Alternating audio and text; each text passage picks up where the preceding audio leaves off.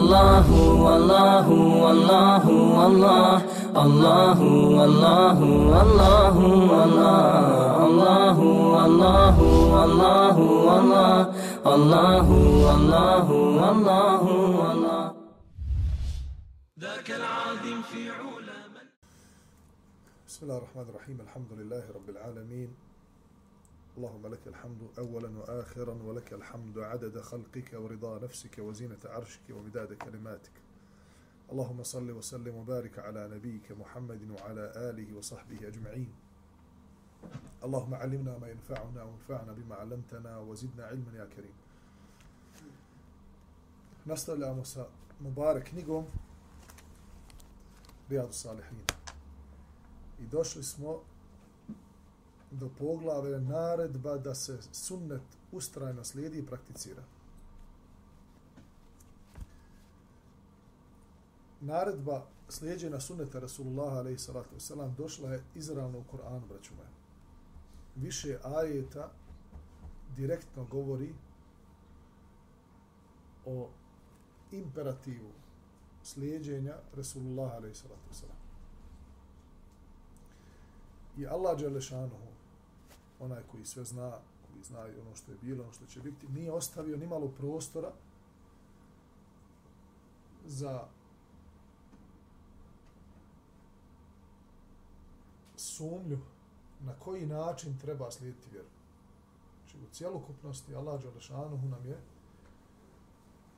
u cijelini znači, dao znanje o vjeri da nemamo potrebe da inoviramo na način šta treba da se slijedi, kako treba da se slijedi i ko treba da se slijedi.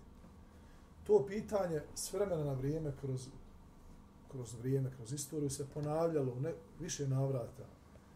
Dolazili su ljudi koji bi htjeli da ubace sumnju ili da donesu neku novinu, a vezana je za slijedjenje Rasulullah alaihi. I danas trenutno je ta situacija u svijetu, znači, da kažem, ima jedna modernizacija, pokušaj modernizacije islama na način da se uh, pokuša udariti na temelje islama, pogotovo na sunnet. Jer većinom se to radi svjesno, da se udari na, na taj temelj, da se pokuša islam promijeniti. I naravno neće odmah krenuti od Kur'ana, jer na zadnje na što bi udarili je Kur'an. Iako je bilo pokušaja od strane nekih da udare i na, na Kur'an, na način da mu nađu mahanu, u lingvističku mahanu i da kažu da on nije od gospodara svjetova, ovaj, da ima grešaka i tako dalje, iako niko nije uspio u tome, ali sve na vrijeme pokušaju.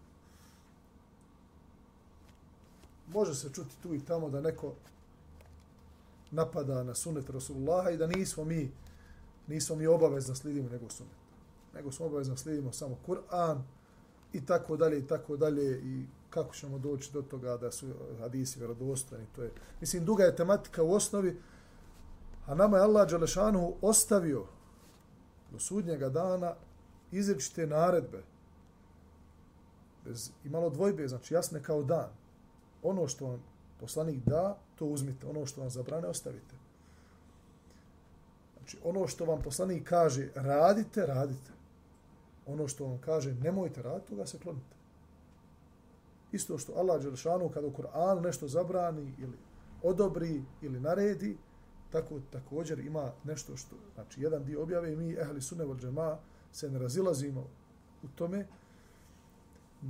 o, znači, Eh, imperativu slijedjenja Rasulullah alaih salatu wasalam. I no, mnogi su had, e, ajeti, rahmukallah, koje je autor, imam Nevevi, rahimahullah, naveo kao dokaz da nećete biti pravi vjernici dok ne budete slijedili poslanika, da ono što vam da poslanik, da to slijedite. On ne govori po hiru svome, eh, da je Allah Đelešanu mimo Korana objavio drugu objavu, to je sunnet Resulullah i svi mu fesiri, svi mufeseri koji su tefsirili ovaj kuranski ajet, kažu ovo se odnosi na, na sunet Rasulullah ali salatu također ajet koji govori o tome ako se muslimani u nečemu raziđu, da se vrate na sunet i da vide šta je, šta je u sunetu došlo. Tako da, bez imalo dvojbe, znači, također فَلْيَحْدَرِ الَّذِينَ ladine عَنْ an amrihi an tusibahum fitna. I ovo je braćo moja pravilo kuransko da onaj ko se ko, ko, ko ode sa, sa puta Resulullah alaih salatu selam i ustraje na tom putu. Velika je bojazna, bojazan, to jeste to će se desiti, jer kad Allah Žešanu kaže moglo bi se desiti, desit će se. Da će ih da će upasti u veliku smutnju i u fitnu. Eu yusibahum adabun elim. Ili da će ih neka bolna patnja spopasti. I vidjeli smo, a istorija je velika pouka koja se ponavlja sve one koji su htjeli da udare na temelje Islama kako završili. Niko nije slavno završio i ničije se od njih ime po hajru ne spominje. Niko i ne spominje po hajru. Možda dok su živjeli u jednom vremenu i prostoru, možda ih je vlast podržavala ili su imali neki veliki uticaj, pa su zaveli mase i tako dalje i tako dalje, ali ta njihova smutnja i to njihovo zavođenje nije dugo trajalo. Na kraju krajeva samim njihovim odlaskom s ovoga svijeta odšla je i ta smutnja i njihovo ime je palo u zaborav. Iako se nekada spomene, spomene se radi ibrata da ne bi čovjek bio poput njih. Kao što se danas faraonovo ime spominje. Kao što se spominje ime Hamana ili nekih naroda davnašnji koji su bili, imali su uticaj, imali su moć u tom periodu svom dok su živjeli. Međutim, onoga trenutka kad su ošli s ovoga svijeta, svi su ljudi se zahvaljivali dragom Allahu što su, što su, onaj, što su umrli ti, što se razrahatili ljudima. Niko i po hajru ne spominje, vraću.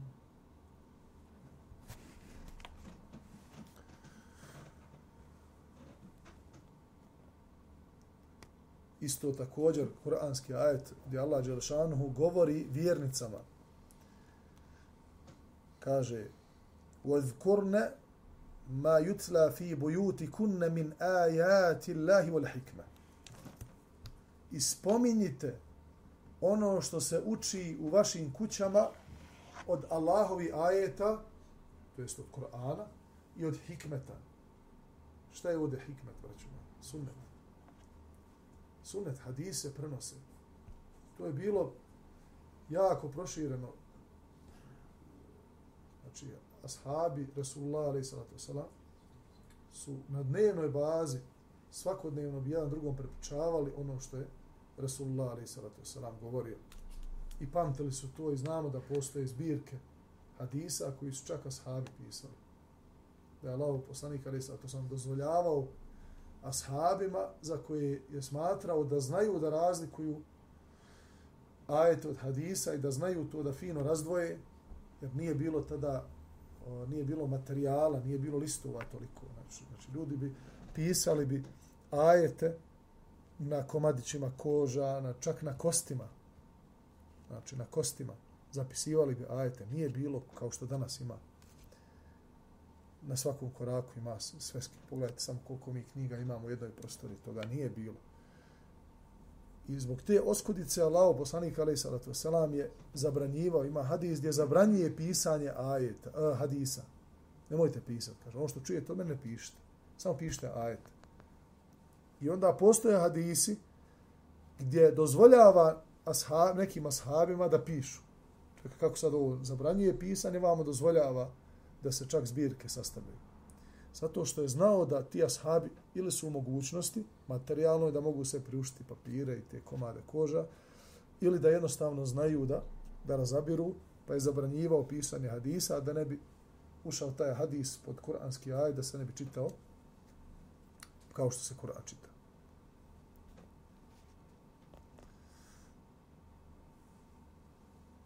Kaže Allahu poslanik alejhi salatu vesselam u hadisu koji bileže imam Buhare i muslima da Ebu Horeira radijallahu anhu, nemojte me pitati onome što sam prešutio. To je, braćo moja, bilo pravilo. Bilo pravilo tokom objave Kur'ana.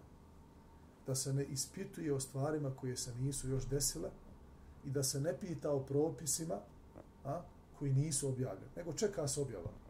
Ono što je dozvoljeno, dozvoljeno. Ono što je zabranjeno, zabranjeno. Ono što je naređeno, naređeno. Ne pitaju novim stvarima. Pa dobro, lao poslaniča, da mi odemo vamo, ima li šta novo, će li neki ajet, ne, ne ispita. Ne ispituje onome što nije došlo. Jer je Allah Đelešanuhu o tome govorio. La tes'alu an ešja in tubde lekum tesukum. Ne pitajte onim stvarima koje kada vam se dadne odgovor na njih, razalošit će vas odgovor. Ljudi znaju biti radoznali. I, to nije nikakva novina, braćo. To nije ništa novo sada, sad, sad smo mi eto počeli da ispitujemo nekim stvarima. Ne? Uvijek je toga bilo. Dođe čovjek i pita, pita za neku stvar. Kao što je Allah poslanik, ali sad to selam, upitan za hađ. Je li naređen? Je li naređen? E onda rekao on čovjeku, skrenuo pažnju, kaže, onaj, kad mi je rekao da li ćemo svake godine da idemo. Samim tim pitanjem, ono drugim riječima rečeno, malo je falilo da postane hađ obaveza svake godine. To, cijeloga života. Zašto? Zato što ovaj čovjek bio uporan da ispituje Allaho poslanika, pa hoćemo svake godine. Dobro, došao ti je hadis, kaže, otiđi ako možeš na hađu. Pravite, razumite to. Pa koliko ćemo puta? Ma ne pita. Otiđi jednom i završi. Ne raspituj se puno. Jer sve što se budeš puno raspitivo, dobit ćeš više, mnogo više obaveza i bit će ti mnogo više zabranjeno nego što, što u osnovi jeste. To ti je ono, ona psihologija učitelja u školi, znaš. Ono dijete koji puno ispituje i puno nešto se obacuje stalo. On je više opterećen od ostalih učenika. Znaš. I onda učitelj kaže, učitelju, jel da ne možemo sad napolje? Učitelj nervozan, eto ne može. Pa, ali ostali, kaj ostali neki idu, ti ostali. Što, što pita? Opusti se. Tako da, ovo je prilike neki, ovaj, da kažemo, samo da vam približio o čemu se radi. Znači, kaže Allah poslanik, ne, nemojte me pitati onome što sam prešutio. Jer šutnja Allahov poslanika i šutnja Allaha Đalešanhu, to jest da nije objavio nekim stvarima rahmet, braću nama nije došla vjera da nam ugasi živote. I Allah objavio vjeru da bi nas opteretio. Taha ma enzelna alejke al-Qur'an ili teška. Prvi ajet sure Taha.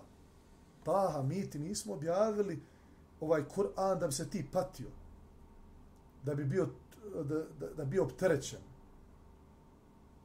nesretan naprotiv znači islam je došao braćo moja da nas oživi da nam dadne život pravi život i onaj tjelesni i duhovni u svakome smislu te riječi i zato su nam zabranjene stvari koje opijaju mozak koje nas bacaju u neku nesumicu nešto što je nešto nestvarno što nas odvodi od razmišljanja, od iskorištavanja svakog momenta na ovom dunjalu. Da čovjek, vjernik, uživa onome što me Allah dozvoli. Nemojte me pitati onome što sam šta prešutio. Jer su narodi prije vas propali samo zato što su mnogo zapitkivali i su prostavljali se svojih vjerovjesnica. Pita vjerovjesnika. Može li ovo? Kaže, vjerovjesnik ne može. Kad se već pitao, ne može. Kaže, kako ne može?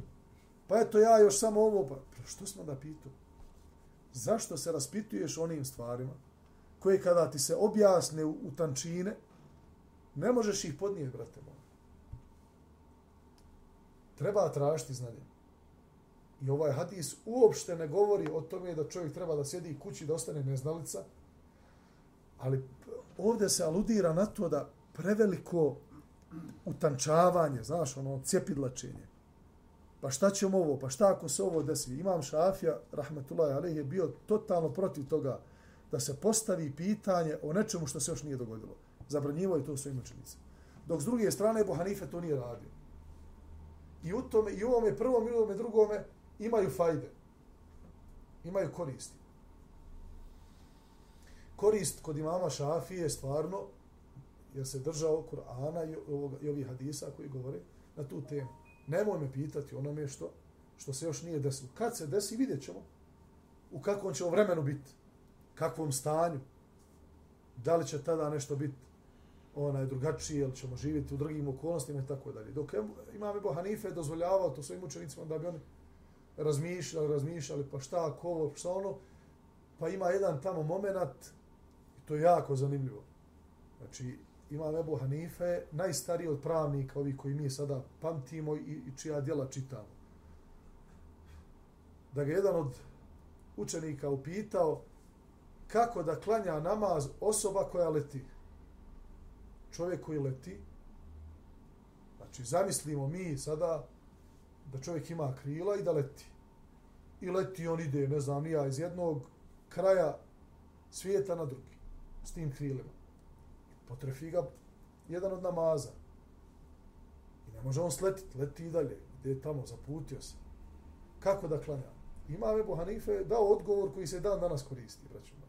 Kad god se leti s avionom i helikopterom, drugim prevoznim sredstvima koji...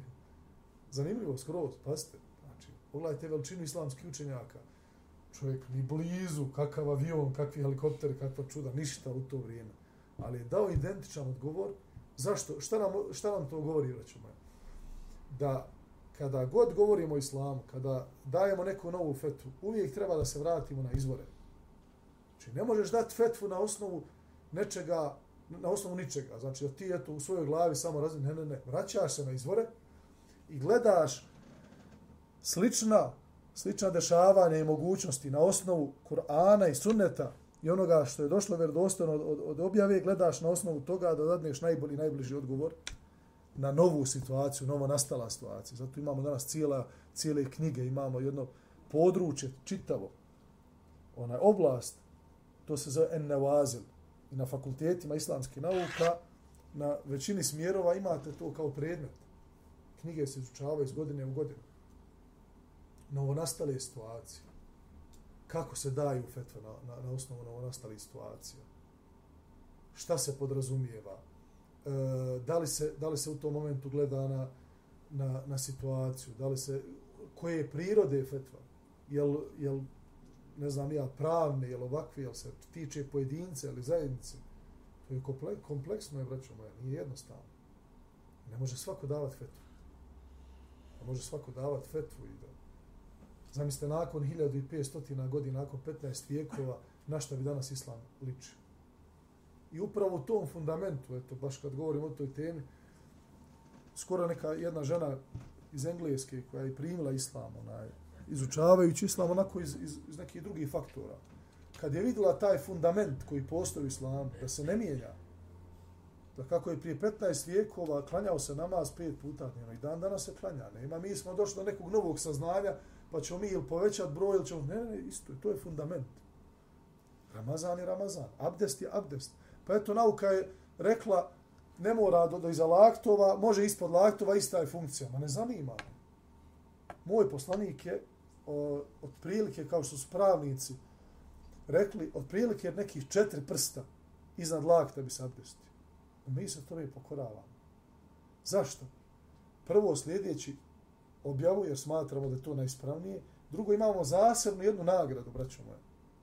Jedna posebna nagrada, mimo nagrade i badeta a to je sljeđenje Rasulullah ali salatu Ti kada uzimaš abdest, samim uzimanjem abdesta imaš nekoliko nagrada i nekoliko benefita. Prvo ispravnost namaza, samo pokoravanje Allahu Đalešanu, jer su u suri Majde objavljen ajet o, o uzimanju abdesta i tako dalje. Čistiš svoje tijelo, imaš ovo dunjaličke benefite, razni su benefiti. Imaš jedan poseban benefit, poseban nagrada sudnjem danu koja će biti veličanstvena. A to je da sam time htio da slijedim Rasulullah alaih salatu wasalam. Da sam se abdestio onako kako je to on radio. I najdosledniji ljudi tome su bili ashabi. I on nas uče tome. I zato kad dođe danas nauka i kaže mi smanji ili poveća, ili, ne zanima me, jer imamo mi svoj fundament, braćuma. I time treba da se dičimo, to nije ništa, nije nešto, kaj, ej, zastarelo. Nije na taj način zastarelo. Zastarelo je na način da sve što je starije, sve se više cijeni. Zamislite koja je to istina i na koji način o, sljedbenici Islama su najbolji umet koji se ikada pojavio. Najbolji umet, su, sura El Ali Imran govori o tome. Kuntum hajra umetin uhriđet li nas kaže Allah Đelešanu, vi ste najbolji umet koji se ikada pojavio. I zbog čega, se, zbog čega smo najbolji umet? I najbolji smo umet jer smo očuvali objavu, braću moja. Allahovom voljom. Nismo bili skloni tome da promijenimo, da izmijenimo, da sakrijemo. Da nam je mrsko nešto da radimo, pa hajde da sebi olakšamo, pa se umet na tome nikada. Nema šanse, to se neće desiti, braćo moja. Kaže Allahu poslanik sallallahu alejhi ve selleme: moj ummet se neće složiti nikada na zabludu. To je od Allahovog rahmeta da onaj ummeti len težtemi ala dalale. Nikada se, kaže, moj umet neće složiti na zabludu. Da, da će ovaj umet uvijek ostati umet hajra, progresa i fundamenta. Na način da će se uvijek vraćati na izbor. I u tome jest čar, braćo moja, da, da imamo nešto čemu se vrati, imamo svoje izvore. I onda na osnovu toga fundamenta to nas ne sprečava da budemo moderni na način modernost života. Da ne budemo kao što neke vjere rade, kaže ne, ne, mi ako smo na fundamentu, onda smo do kraja, ne smijemo, ne znam, ja koristiti mobitel, ne smijemo sjest u auto, ne smijemo koristiti TV, struju. Ne, ne. Naprotiv, Islam nas postiče da inoviramo.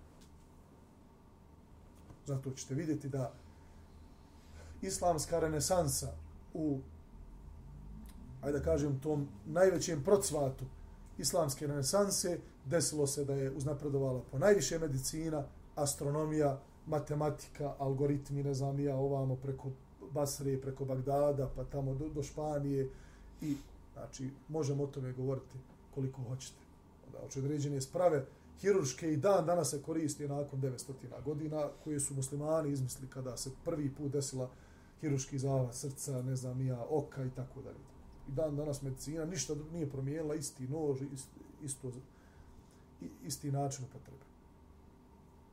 Znači, islam nije protiv toga, naprotiv, podržava to, ali mi se dičimo tom ibadetskom fundamentu koji ne želimo da promijenimo i to nam je onaj ostavljeno putem objave da se toga držimo i da to ne mijenjamo. Inače, što se ljudi tiče, da nije došlo do toga i da nemamo, da nam Allah Đeršanu svaki malo ne šalje nekog obnovitelja vjere, koji će nam obnoviti našu vjeru i vratiti nas izvor, mi bi to promijenili kao ljudi.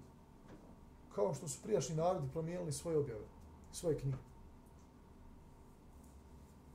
Dođe bogataš, dadne šaku zlatnika, kod nekog alima u prijašnjim narodima, nešto je zabranjeno, mu kaže dozvoljeno. Slobodno kaže, radi, halali. Zbog čega? Zbog zlatnika. Zbog, o tome Kur'an govori, braću zbog malo kes, malo onaj novca, on mu proda vjeru i na taj način su izmijenili vjeru. I način ibadeta i klanjanja Allahu Đelešanu. Znači, nigdje u svetim knjigama prijašnjim, nigdje se ne spominje način obavljanja molitve da je to krš, onaj krštenje. Nigdje. Isa, alaih salatu wasalam, Isus, znači, sledbenici hrišćan njega slijedi, tako kako, kako on radio, tako on radi. Tako oni govore. Znači, njega slijedi. Smatraju ga Božim sinom. Ali njega slijede, znači isto kao što se poslanik slijedi. Kada uđu u svoje prostorije za molitvu, kada uđu u crkve, šta rade oni? Cr krste se. Je li se, braćo moja, Isus krstio? Dok je bio na ovom svijetu. Kako će se krst kad oni smatraju, mi muslimani ne smatramo da je on, nego njegov učenik je stavljen na krst. Ali oni smatraju da je stavljen on, da je razapit na krstu. Kako se on krstio prije nego što je se znalo za taj krst uopšte. A i njegovi dušmani su napravili taj krst. Znači, ovaj krst bi trebao da bude za hrišćane po najveći dušmani. Znači, kad vide krst da se, o, da, da se ogorče, da, da ga mrze, da ga pale. Jer oni smatraju da je njihov e, poslanik, sin Boži, koji je došao sa Inđilom, sa Novim Zavetom, da je razapet na njega i mučen na njemu. Pa ne trebate onda da ga mrzite, ne da ga volite. A nije se on krstio, jer nije bilo. Druga stvar, postoji u Bibliji znači, o, stihovi koji govore o tome na koji način se Isa, alaih salam, nisu sklanjao Bogu. Pado je čelom na, na tlo. O tome Biblija govori, ne govori samo Kur'an. Nigdje se ne spominje da se krsti. To je jedno lijepo pitanje za hrišćan, onako iskreno, kao njihova, kao, kao najbliži ljudi njima, postavljamo im to pitanje, da razmisle o to. Jer mi muslimani smo njima najbliži. I oni su nama najbliži. Mi smo njima najbliži i oni su nama najbliži. Od svih vjera, oni su nama najbliži muslimani. لتجدن أشد الناس عداوة للذين آمنوا الذين آمنوا اليهود والذين أشركوا ولتجدن أقربهم مودة للذين آمنوا الذين قالوا إنا نصارى vidjet ćete da su najveći neprijatelji vjernicima židovi i mnogobožci. I vidjet ćete, kaže Allah Đelešanu u kuranski ajet, da su najbliži vjernicima oni koji za sebe kažu mi smo hrišćani na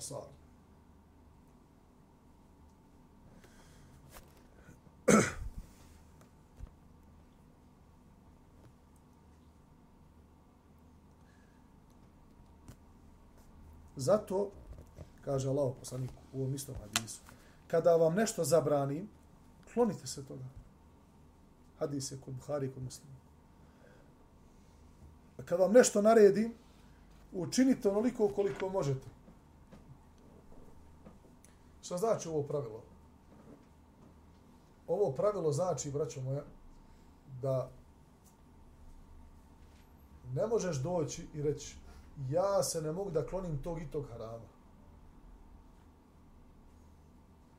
I navesti kuranski ajet fattakullaha mastata'tu.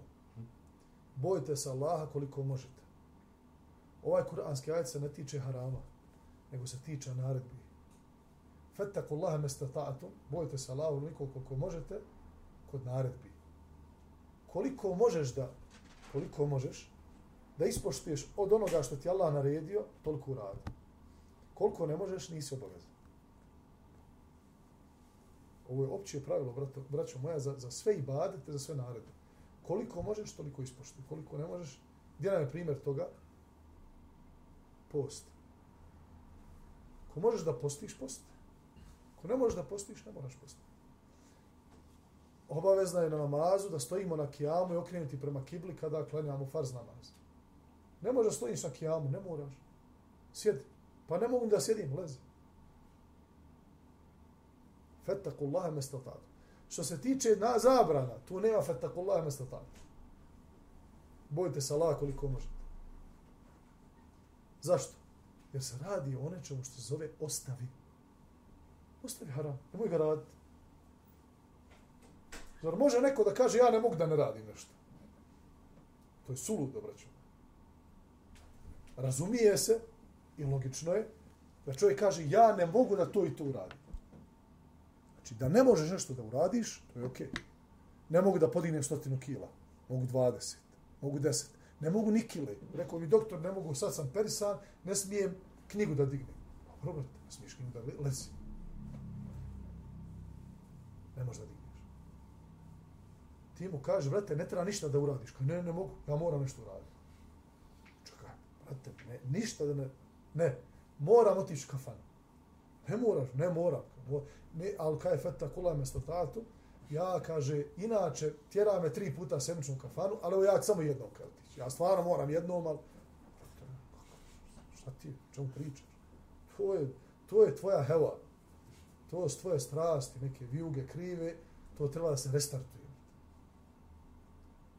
Ti iđi, brate moj, na umru, restartuj se tamo fino, čini Allahu dovu da ti srce popravi, da ti pobijeli. Vidiš, brat se vrati nakon dvije hefte, drugi izraz lica, total. Šta je bilo? U, kažu, kako on sam, ja Belaju bio. On tek jadnik progledao. Tek vidio kako je Belaju bio. Jer se oprao grijeha, rijeha, stik far, namaz, otišao iz okoline, ružne okoline u kojoj je bio, imao ahbabe oko sebe. On bi jadnik smirio dva sata da, da ne griješi ali ima turbine. To nije jedno, ima pet turbina oko sebe. To su loši ahbabi. I one sve, svi pet je upaljeno na pet hiljada obrtaja. I on njega samo holcaju. On bi odmorio na večer, jadnik, on bi zaspao. E, a već treći dan ne gasi se, volike moći. On njemu donosi tablete, kažu, idemo, brate, samo još ovu noć. Srce će ti otkazati dušo, ne. Znači, e, tu nema fetakullah mjesto tako. Znači, to je, ostaviš u potpunosti ono što ti je zabranjeno. I tražiš od Allaha oprosta na ono što si, za ono što si uradio, greškom ili svojom lakomislenošću. A ovo fetakullah mjesto tato misli sa naredom. Koliko je jacija?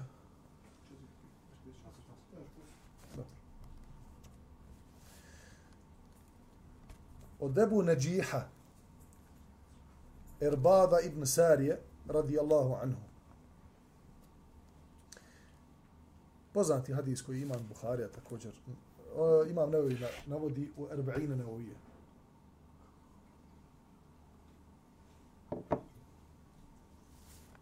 Kaže, održao nam je Allahu poslani govor,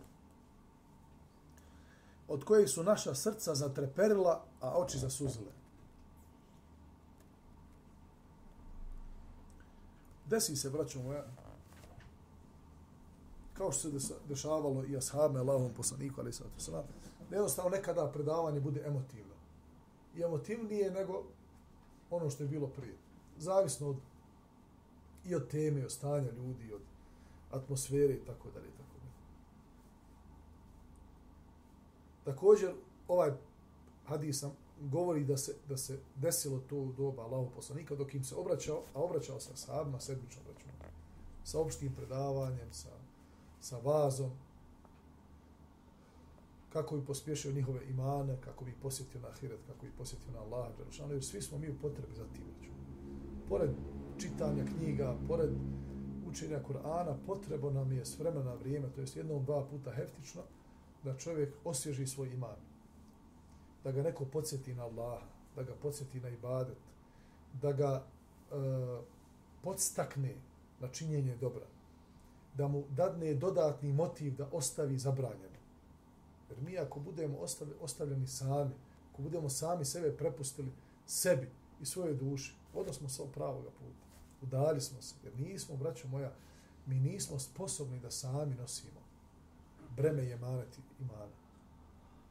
I mnogobrojni su hadisi koji govore na tu temu, braćo moje. I nisu bez, bez razloga izrečeni. A to je uh, savjetovanje ili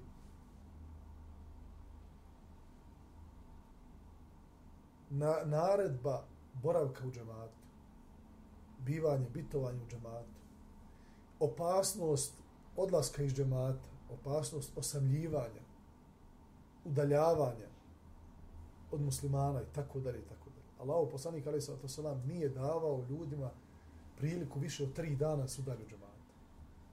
Znači, tri dana možeš malo negdje, nešto si bolestan, nešto bio si negdje, treći dan gdje si, brate? ne odlazi, gdje ćeš? Naviknut ćeš se, duša će se navići, pa ćeš onda sam da zalutaš. Neće imat ko da te, da te ispravi.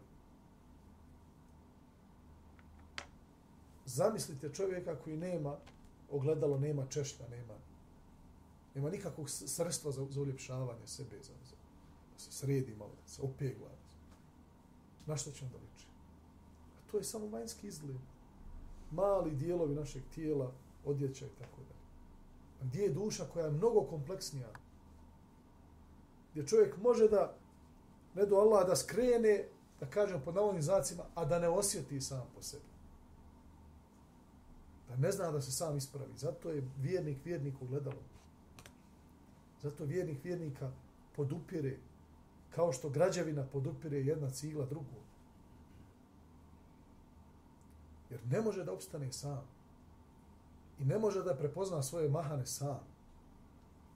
I zato biti u džematu i strpiti se na propustima džemata i nelagodi džemata i ponekada, ajde da kažemo, nemiru koji ili rušenju mira koji imaš kada si sam, bolje je to sve nego da čovjek ima, da kažemo, svoj lokalni, opći, onaj, sobstveni mir, i da bude sam i kaj, ma šta ću ja dole, kod snima, ovaj mi smeta, ovaj mi dođe, nešto mi stišće ruku, ovaj ovako, ovaj me grli, ovaj... Brate moj, idi. I pored tih stvari koje imaju u džematu, imaju veliki benefit. Da nema drugi, osim toga što će ti brat tvoj skrenut pažnju na tvoju manu, direktno ili indirektno, što ćeš tokom predavanja, džume, vaza, hadisa, ajeta, reći sebi, u, čekaj, ovaj čovjek se meni obraća. Vidite da govori o mene. Koliko puta ste čuli da čovjek ode na džumu na predavanje i kaže, subhanallah, kaže, ovaj predavač se meni obraća. Čovjek zna o meni, sve i meni se obraća. Kaže, gledao, kaže, par puta mene očima, kaže, mora da me neko ispriču. Nije mu niko ispričao, braću. Nego svi mi, svi mi smo potrebni istih savjeta, istih uputa, istih smjernica. Jer nas je Allah Đalšanu stvorio, imamo znači, dušu koja ima svoje prohtjeve, ima, ona voli da je raspuštena. Inna nefsela emmaratom bisu. Kaže Allah Đelešanu u suri Jusuf, duša je sklona zlu. Sklona da nema, ne voli da je neko rikta. Hoće da je malo skalaša.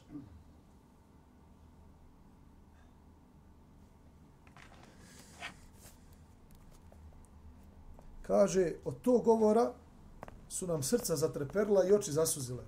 Pa smo rekli, Allaho poslaniče, tako si nam se emotivno obraćao, kao da je ovo oprosni govor. Pa daj nam, kaže, neke smjernice koje će nam koristiti. Daj nam nešto krucijalno. Podvuci nam crtu kao da nam se zadnji put obraćaš. I pogledajte koje su to riječi koje Allah poslanik ali sam to nam govori ashabima u tom momentu kao da su posljednje. Oporučujem vam bogobojaznost. Jer, broja braćo moja, bogobojaznost je snaga i gorivo koje ti daje daje ti mogućnost da se odupreš haramu i da radiš ono što ti naređe putem bogobojaznosti pravi put se olakšava. Te. I ne može svaki, svako ne može da, da, da slijedi pravi put. Nije svakom olakšano. Olakšano je onima koji su bogobojazni. Hoćete definiciju, najlakša definicija bogobojaznosti. Čuvaj se harama, bit ćeš bogobojazan. Ja tu neki rečenica, klanjaj noću, zikri danju, radi ovo, radi ono, virdove ono. Kloni se harama, postaćeš bogobojazan. I ta bogobojaznost će ti olakšati sliđenje pravog puta. Do te mjere da ćeš se čuditi ljudima zašto svi naslijede pravi put. Nije svakom olakšan nakon te, brate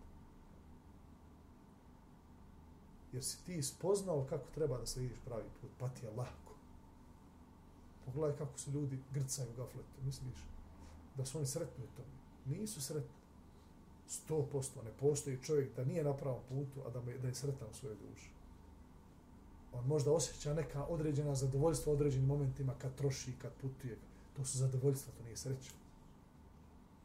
Zadovoljava se svojim strastima. To nije sreća.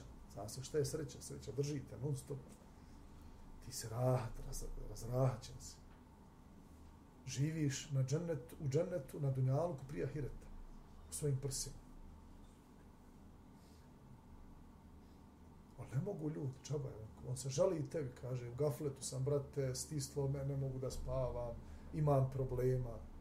Ti mu kažeš, brate, ima izlaz. Znam, ali ne mogu. Ne može, brate, nije olakšao. Kaže, prvo, kaže, oporučujem vam bogobojaznost, da budete poslušni i pokorni, pa makar vam zapovjedali, znači, makar vam zapovjednik bio abesinski rob. To Allah poslanik govori plemićima. Sad je to malo, malo više. Otišlo je to sada, sad ne može, predsjednik crnac, pa bijelac, pa amerikanac, pa indijanac. Sad se to prije. abesinski oslobođeni rob, onda me naredi. Pa pa nemojte, molim vas. Robovi bilo si prije islama i smatrali da on ima nad njim ovlasti Boga. Može da ga ubije kad hoće, može da ga kazni, može da ga nagradi, može da radiš. I prima i takvi islam i ostaje robovlasiško društvo. Znači, islam ga ne zabranije do kraja, jer je jako bilo ukorinjeno. Znači, nije u to vrijeme bilo moguće da se kaže stop robovlasništvu, preko noći je haram zabranjen to bio. Opći haus bio. Ali je Allah Đelešanu na jedan drugačiji način iskorijenio to. Kako? Učinio sta i taj grije. Pokajanje, oslobodi roba. Uradio sto i to. Nema drugog načina, moraš osloboditi roba. Oslobodi, oslobodi, oslobodi. Gdje su robovi? Nema robova. Je tako? A zamislite da je došlo u islamu reći preko noći. Morate svi osloboditi svoje robove. Ja bio, reći. Haus bio. To, a Iša radijela ona govori čak i za alkohol, tako. Gledajte ovo, kaže. Bitka na bedru. Ashabi piju alkohol, idu na bedr. Nije zabranjeno. Ashabi, bitka na bedru, učesnici bedra, piju i idu na bedr.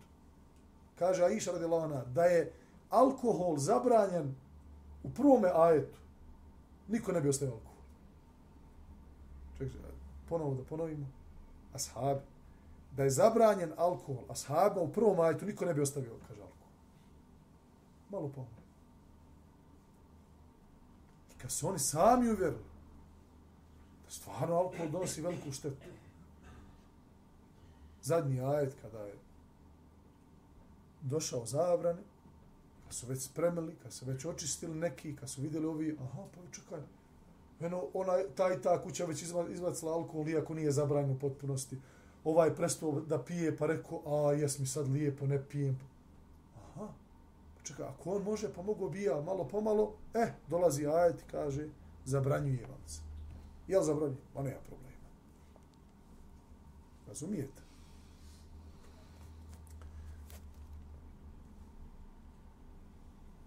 E tako i za, za, za robove.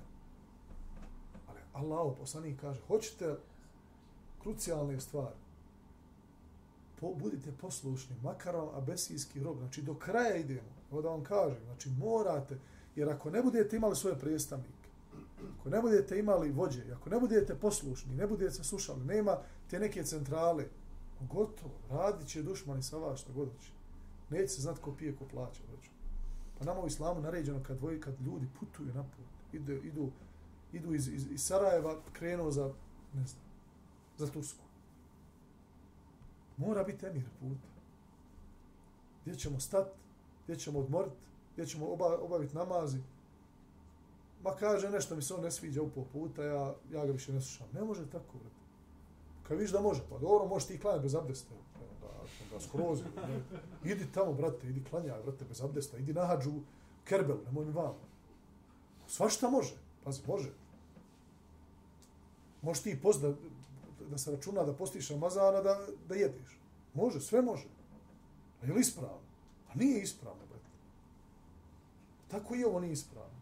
Ne možemo uzeti, Allah nas upozorava u suri Bekare. E fe tu minu ne bi ba'd al kitabi, u tekfuru ne bi ba'd. Zar uzimate jedan dio knjige, a drugi zapostavljate? Znači, Islam je celokupan, brate, ako ga prihvatamo, prihvatamo. Ne možemo govoriti za sebe da smo sledili iz sunneta, a jedan dio sunneta zapostavljamo ili namjerno ga negiramo ili ne želimo da se njemu pokorimo. Zbog našeg ega, zbog sujete, zbog neznanja i tako dalje. I zato znanje treba da pobjedi neznanje. Treba da se podučimo, braćom. I ako ne znamo da znamo kad treba da šutimo, ako znanje progovori.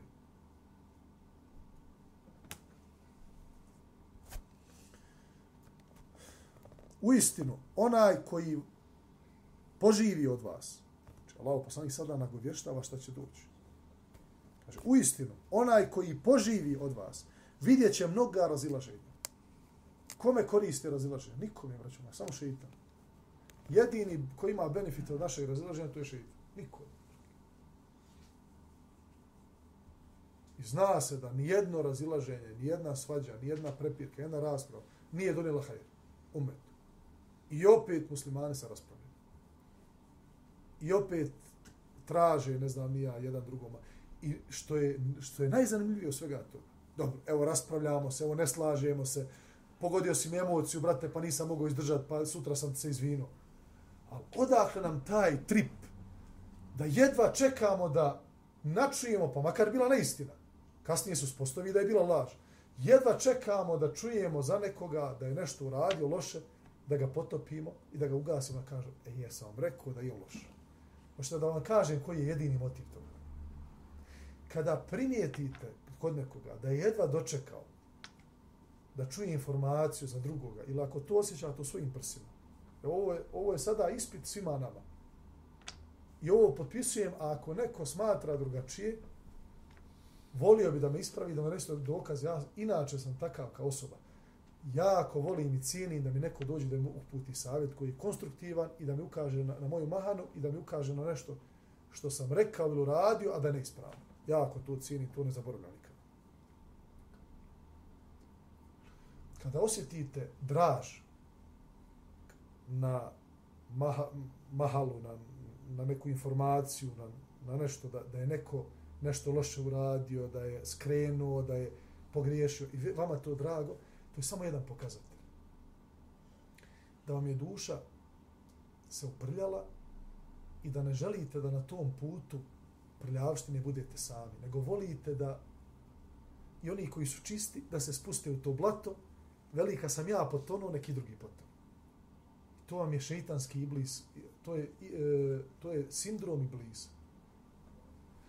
Kada je shvatio da je pogriješio, a zbog svoje oholosti jega nije mogao da ispavi grešku, nije htio. Čini seždu Adamu i oprostit ću ti. I otvoreno mu je do sudnjega dana. Ne, ja sam bolji. E, kaže, ako je tako, onda se istjeran iz dženeta i prokle do sudnjega dana i na sudnjemu danu te čeka presuda, džehennem. Neka je sve šta god, ja se ovome neću da poklonim, zato sam bolji od njega. Kaže, gospodar, imam samo jednu molbu. Mogu li ja što više njih da zaprljam? I od ljudi, i od džina.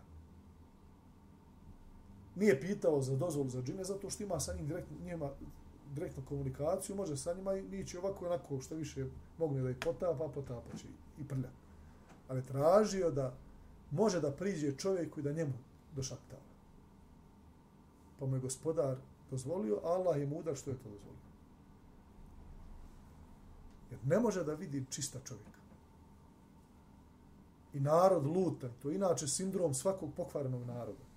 Svaki narod koji se isprlja iz temelja ima taj sindrom kosa. Kad su no, lutov narod, kad je govorio vjernicima, kaže, mi ove hoćemo da izbacimo vani. Ne možemo kaj sa njima. Oni su, kaže, pravi čistunci. Čisti ljudi. Ispravni. Nisu uprljani. Ne možemo ih gledati svojim očima. Znači, ili nek se zaprljaju koji mi, ili nek bježe. Ne možemo ih gledati svojim očima. I to je jedini, braćo, motiv koji, se, koji je danas sve više i više zastupljen, nažalost, kod ljudi da jedva čekaju da čuju da, aj, pa, pa vidite, kako nego, nemoguće da je on čist bio. Znači, samo je, trebalo je vrijeme da se uspostavi da je on loš. Zašto ti tako razmišljaš, brat? Jer tebi da je čista duša, tebi bilo krivo i žao ako čuješ da je neko, neki vjernik posrnuo. Trčao bi da mu pomogneš da se vrati na pravi put. Ti ideš, brate, da ga još više guraš. Da. To nisu radili poslanici. I to nije bio njihov put. Put poslanika je bilo da Allahom voljom izvode ljude iz tmina na svjetlo. Dođite ovamo. hadis koji govori o tome je narodni hadis. Gdje Allah poslanik govori, primjer mene i vas je primjer čovjeka koji je upalio svjetiljku, svijeću, i dolaze one leptirice. Jer one imaju tu potrebu da idu za svjetlom, kaže, one dolaze, hoće da, da priđu svijeći, a ja ih, kaže, ovako, a taj čovjek ih utjeruju da se ne spale.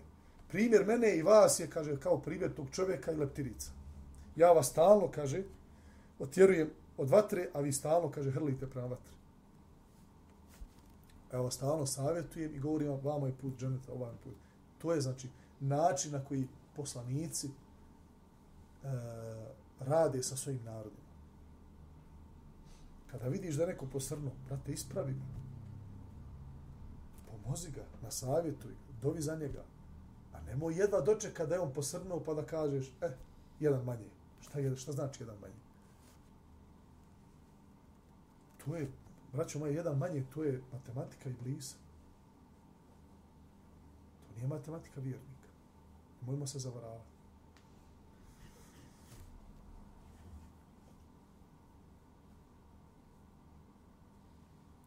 Zato slijedite moj sunnet i sunnet upućenih pravednih halifa. Čvrsto se za, njega, za njih uhvatite svojim očnjacima. Nikako ne slijedite novotarije, jer svaka novotarija je zabluda. Jasno kao da.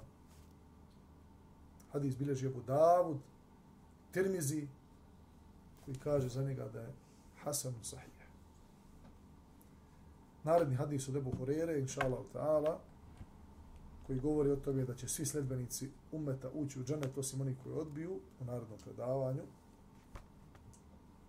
أقول قولي هذا وأستغفر الله لي ولكم سبحانك اللهم وبحمدك أشهد أن لا إله إلا أنت أستغفرك وأتوب إليك اللهم دعوا صحبك